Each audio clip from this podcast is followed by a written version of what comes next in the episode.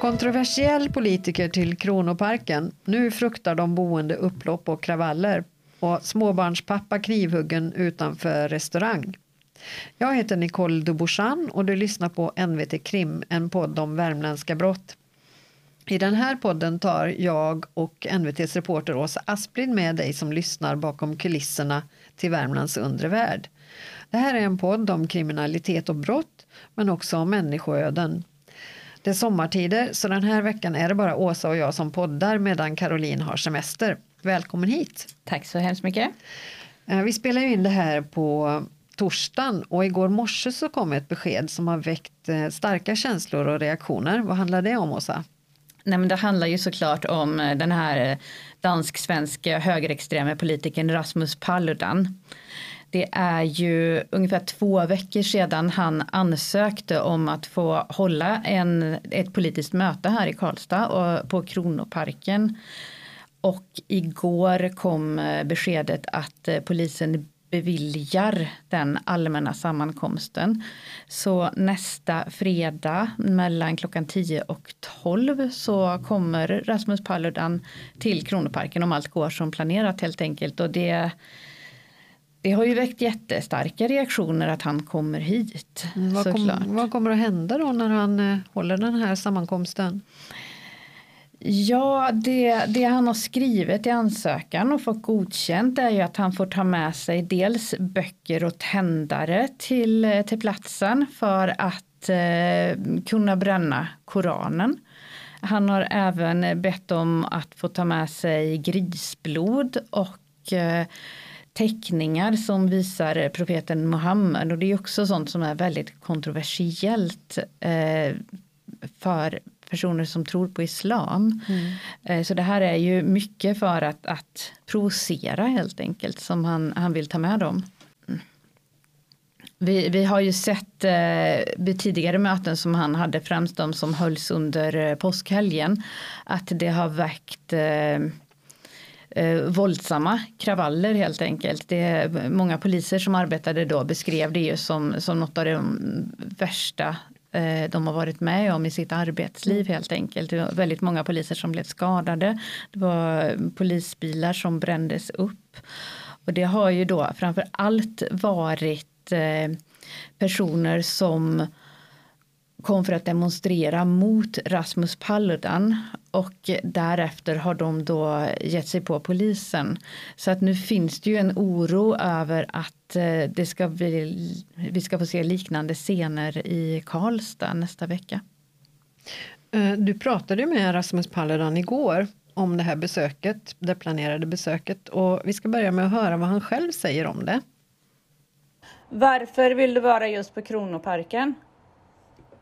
Ja, men det är ju därför att en del av vår politik är ju ett påstående om att somliga folk i eh, Kronoparken och andra utsatta områden inte helt accepterar yttrandefrihet och mötesfrihet i Sverige eh, och kanske inte gillar demokrati överhuvudtaget. Ehm, och eh, därför tycker vi att det är bäst att våra barnmöten är ställen där det är särskilt viktigt att hävda yttrande och mötesfriheten. Mm. I din ansökan så ansökte du ju bland annat om att få ta med böcker och eventuellt bränna böcker på platsen. Är inte det att be om, eh, om eh, att det blir eh, sådana här kontroverser som det har varit tidigare? Alltså om man bränner andras böcker kanske det kan bli det, men det skulle jag aldrig göra. Jag skulle bara i så fall bränna min egen bok. Det får man ju göra. Um, men det är inte säkert det blir så. Alltså, ehm, jag hoppas ju eh, klart att det blir lugnt som det har varit somliga andra ställen också. Eh, till exempel eh, Visby på Gotland och senast jag var på Vaksala 2 i Uppsala och en del andra ställen också, även i Råsted i Jönköping. Så det finns ju många ställen i Sverige där det har varit lugnt. Och jag får ju anta att det också blir jättelugnt i Kronoparken. Därför annars skulle ju polisen inte ge tillstånd. För de är ju jätterädda som små flickor med lockigt hår. Um, så de skulle aldrig ge tillstånd om de trodde det skulle vara farligt. De vill bara eh, skydda en allmän sammankomst om de inte behöver göra något. Så, eh, så därför kan jag vara ganska säker på att det kommer att bli jättelugnt i Kronoparken. Och eh, det är bra, för då är ju Kronoparken inte särskilt farlig, även om jag har fått ungefär tio dödshot. Eh, olika folk skriver om jag kommer till Kronoparken kommer de att mörda mig. Han pratar ju om hur han dödshotas och att människor vill hindra honom från att hålla sina möten. Varför tror du att han åker runt och håller de här sammankomsterna? Ja, när jag ställde den frågan till honom igår så var ju hans svar att han tycker att det är viktigt att någon faktiskt ställer sig upp och kritiserar islam och eh, på det viset även då visar att det är en sak man får göra i Sverige. Man får stå och hålla sådana här möten och säga att man tycker att en, en viss religion är dålig. Eh, sen vet jag inte varför han, vad han har för agenda, liksom vad han vill att det här ska leda till. Han, han har ju partiet Stram kurs i Danmark och nu har man ju inför höstens riksdagsval även registrerat en svensk version av det partiet, det heter Stram kurs Sverige det ställer upp i riksdagsvalet. Men jag tror inte att det finns någon som tror att det partiet på något vis kommer få det antal röster som krävs för att komma in i riksdagen. Och det är nog ingenting Rasmus Paludan själv heller har räknat med. Så Eh, så ja, det, det, känns ju som att eh, den huvudsakliga agendan är att åka runt och, och väcka uppståndelse helt mm. enkelt och skapa irritation. Mm. Och du var ju på Kronoparken igår och pratade med människor som bor där. Vad säger de om besöket då? Ja, det är ju väldigt många som, eh, som eh, tycker det är helt obegripligt att polisen har, eh, har beviljat eh, Paludan det här tillståndet för man tycker liksom att man vet vad det kommer leda till. Varför ska vi låta det här hända, det här hända här och om man nu ska få hålla en, en allmän sammankomst kunde man inte låtit honom hålla den någon annanstans i Karlstad då mm. än just på Kronoparken. Eh, sedan finns det även de som säger att nej men han har all rätt att, att få hålla den här typen av möten här så låt honom göra det men jag hoppas att, eh, att ingen kommer gå dit och lyssna. Och jag kommer absolut inte göra det. Det var det flera personer som jag träffade som sa. Mm. Eh, och sen fanns det ju andra som sa att eh, jag har bott eh, jättelänge på Kronoparken. Jag är rädd för att det kommer bli kalabalik och kaos här uppe. Det, det, det kommer vara folk som, som kommer ta sig eh, dit för att bråka. Mm. Jag pratade ju med Rauf Ahmadi och ytterligare en i Islamiska kulturföreningen och de har ju varit väldigt eh, och är ju väldigt väl förberedda för det här besöket.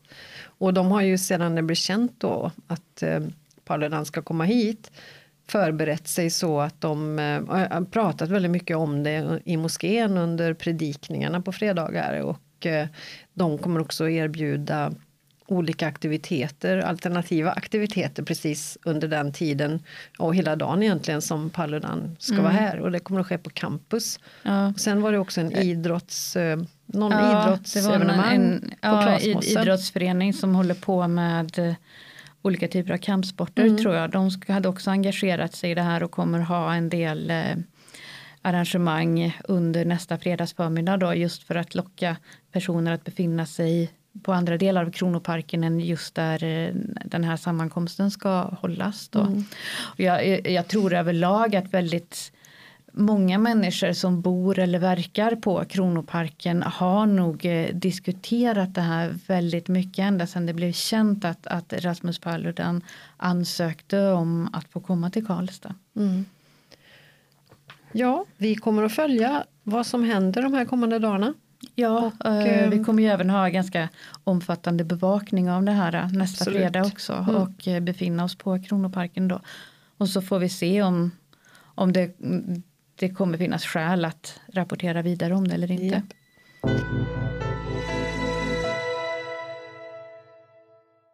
För en vecka sedan kom ett larm om att en person hade blivit knivskuren utanför en restaurang som ligger bara några hundra meter från NVTs redaktion. Vad var det som hände? Det var vid eh, sextiden eh, för en vecka sedan som eh, polisen fick larm om att det har skett någon typ av våldsbrott utanför den här restaurang eh, Strand som ligger här i centrala Karlstad.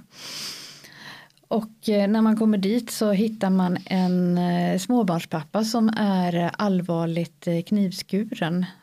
Och gärningspersonen är, är försvunnen. Det ska ha funnits ganska många vittnen till den här händelsen i och med att den skedde så pass tidigt på dagen och den skedde vid en plats där det är ganska mycket trafik den tiden på mm. dagen. Det är ju både väl trafikerad gata och eh, nära cykel och gångstråk där många är på väg hem från jobbet kanske och så. Så det ska finnas ett större antal vittnen till händelsen. Ehm, den 35-årige mannen blev väldigt svårt skadad. Han, eh, han vårdas fortfarande på sjukhus idag för, eh, för sina skador. Har dock kunnat höras av polisen som har rubricerat den här händelsen som mordförsök. Vad händer nu då? Ja, man håller ju fortfarande på och letar efter, efter gärningspersonen. För det, den personen som, som har gjort det här är ju fortfarande på fri fot. Man har inte någon känd misstänkt för det här dådet. Även om eh, man har tidigare sagt att man har ganska många spår att gå vidare med som man undersöker och jag skulle ju kunna tro att man eh, att eh, småbarnspappan som utsattes för det här bör ju ha kunnat ge ett relativt gott signalement mm. på personen som, som överföll honom helt enkelt. Och, och det bör ju finnas vittnesuppgifter om var eh, personen försvann. Vi vet fortfarande inte om personen sprang från platsen eller om man har färdats på, med bil eller elskoter eller någonting sådant. Jag har ju även eh, ringt runt till boende i området och även talat med andra näringsidkare som har eh, sina butiker och restauranger i närheten. Men det, det, är ingen som riktigt har velat säga någonting alls om, om vad man eventuellt vet om den här händelsen. Så, och även polisen är ganska förtegen i nuläget. De vill inte ge mycket information.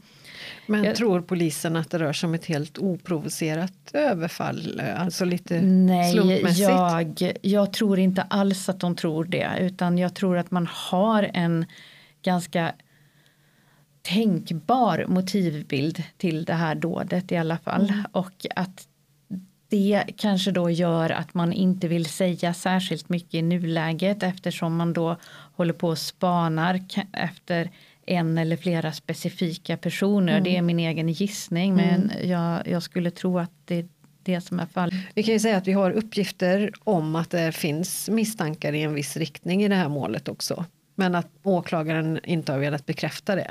Ja, det, mm. gör ju det. Så, så det här finns ju all anledning att fortsätta ha bevakning på för oss också. För jag tror ju att det kommer gripas någon person inom en någorlunda närliggande framtid. Mm.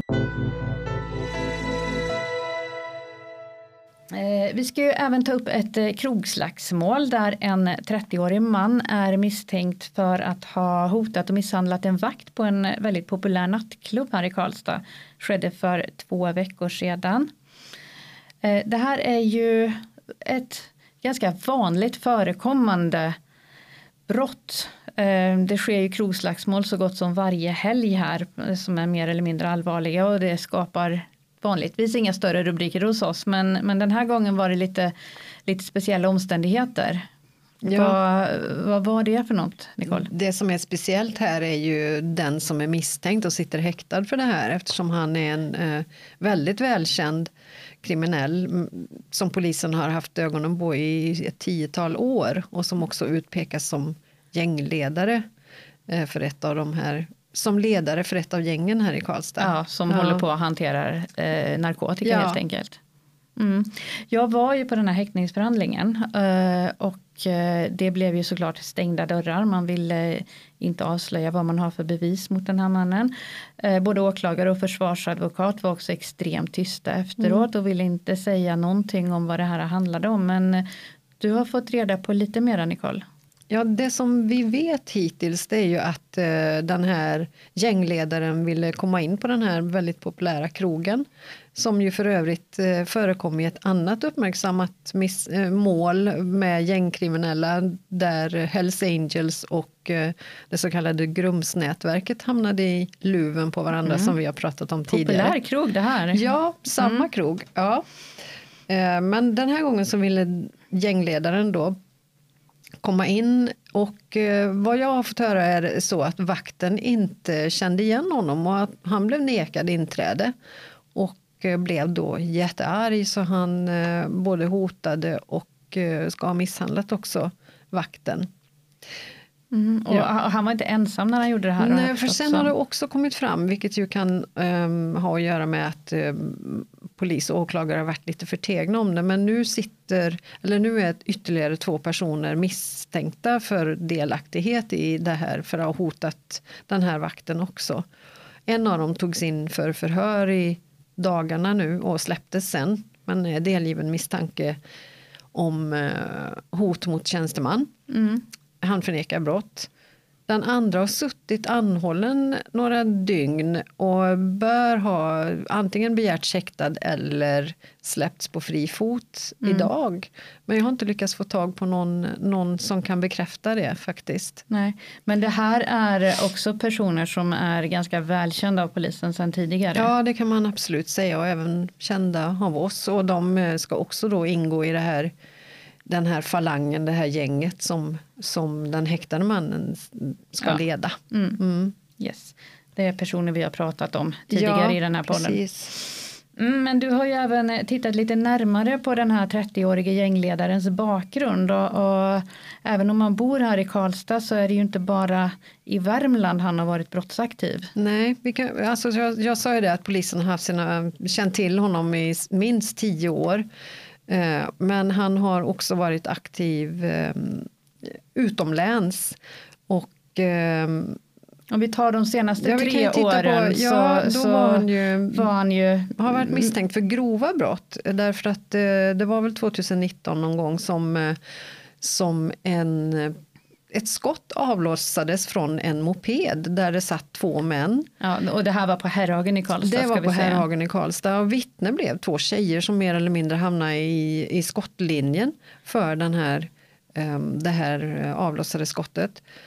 Um, en person dömdes som satt på mopeden. Den andra var den här gängledaren som också var åtalad då misstänkt för grovt vapenbrott. Men han gick fri den gången. Mm. Ehm, och sen eh, ganska kort tid efter, i, kring jul samma år, alltså 2019 så skedde en, en eh, skottlossning i Uppsala där en man blev skjuten eh, tre gånger i benet, tror jag.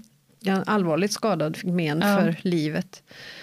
Det visade sig vara en uppgörelse och eh, en av dem som greps och senare också åtalades misstänkt för det här för, var våran, eller gängledaren från Karlstad då. Ja, och där trodde man väl i stort sett att det var han som hade hållit i, i vapnet till och med. Ja. För man hittade ju krutrester på man hans fingrar. Man hittade i alla fall krutrester på honom. Det fanns även tal om att det var att den, den här skottlossningen skedde på grund av att målsäganden där skulle ha haft en, en ganska stor skuld ja. till eh, våran värmländska gängledare. Ja. Då. En, en skuld på en kvarts miljon. Mm. En knarkskuld. Med stor sannolikhet. Ja. ja, jag tror det framgick av den förundersökningen att det var knark. Mm. Ja. ja, men det var ju trots allt brott som han inte har blivit dömd för Nej, utan blev friad var, för. Alltså han har alltså varit åtalad för grovt vapenbrott här i Karlstad och gått fri och sen åtalad för mordförsök och grovt vapenbrott i Uppsala och gått fri och sen efter det och ganska strax innan den här köincidenten då, eller händelsen med vakten här i Karlstad så dömdes han eh, till eh, några månaders fängelse.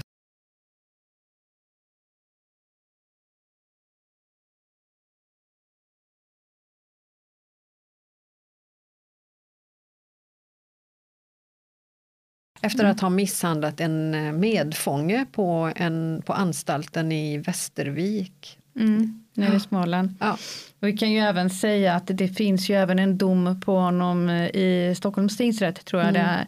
Den har ju skett någon gång, det var för ungefär ett år sedan. Då blev han stoppad av eh, polis i en bil inne i centrala Stockholm. Och eh, blev misstänkt och senare dömd för olovlig körning. Jag tror att det kan ha varit att han inte hade körkort med sig eller någonting sånt. Men, men det bevisar ju att han är, det var ju ingen slumpmässig eh, polisstopp som han utsattes för där utan de hade ju haft span på honom. Eh, Så han är ju en person som eh, som även polisen i Stockholm har på sin radar helt enkelt för på grund av sina kriminella kont- kontakter. Ehm, ja, och eh, nu sitter ju den här mannen hur som helst häktad i Karlstad misstänkt för hot och våld mot tjänsteman. Vad, vad händer nu?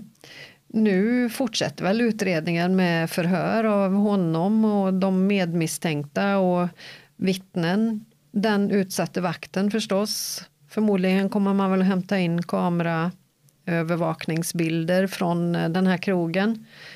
Um, ja, gammalt hederligt polisarbete helt enkelt. Ja, ja, vi lär ju ha all anledning att eh, följa upp eh, vad som händer i den här utredningen så vi kommer säkerligen återkomma till det här målet senare. Då ska vi gå över till våra två fasta inslag och vi börjar med veckans dom. Eh, Och det är du som har läst den Åsa och den handlar om ett anmärkningsvärt stort cannabistillslag. Ja, det handlar om en lastbilsförare som stoppades eh, vid norska gränsen på väg in i Norge med eh, bilen full av eh, cannabis. Ehm, Polis blev misstänksam helt enkelt. Det var en, en eh, till synes tom transport. Men när man gick in med knarkhund så, så visade det sig att eh, dolt under golvet så, så låg eh, sex Ikea-påsar där det fanns sammanlagt 65 kilo cannabis nedpackat. När 50-80-årige chauffören hävdade att han inte hade en aning om att det här knarket fanns i hans fordon men tingsrätten eh, anser att det är synnerligen osannolikt på grund av en, en ganska lång beviskedja som åklagaren presenterade under rättegången. Så han blir dömd till fem års fängelse för grovt narkotikabrott. Mm. Eh, ja, sen har vi ju veckans Molgan också då. Det är där vi tar upp de här lite mer udda bortförklaringarna som, som länets brottslingar presenterar för polis och åklagare. Den här veckan handlar det om muffins. Nicole, vad, vad är det här för något? Eh, det handlar om en kvinna som stoppades i bil i Kristinehamnstrakten eh, i vintras.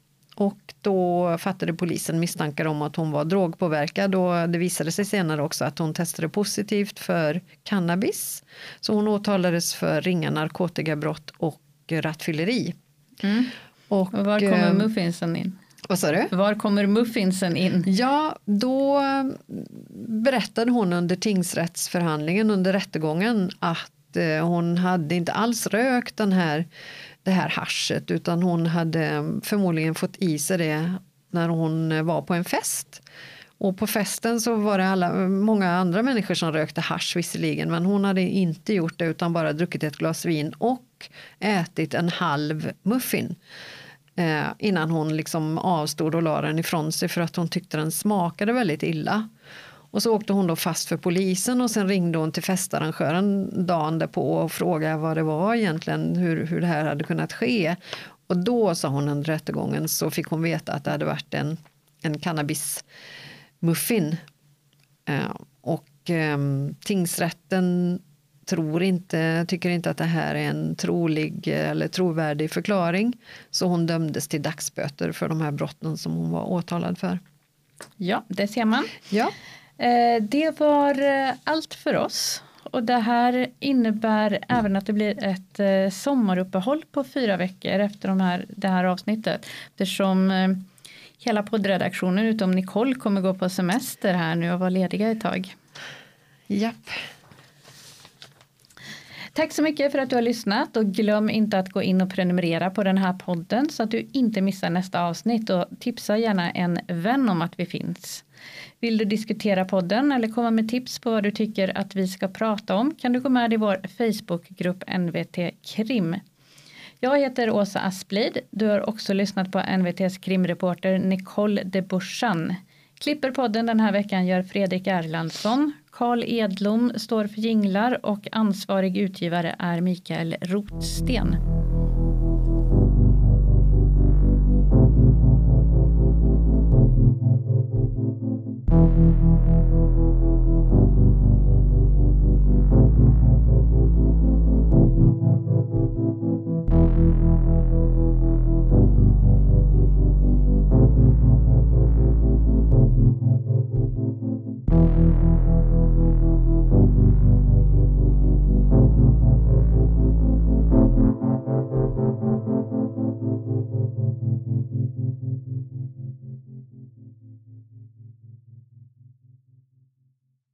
Ja, men, ja, ursäkta oss här Fredrik.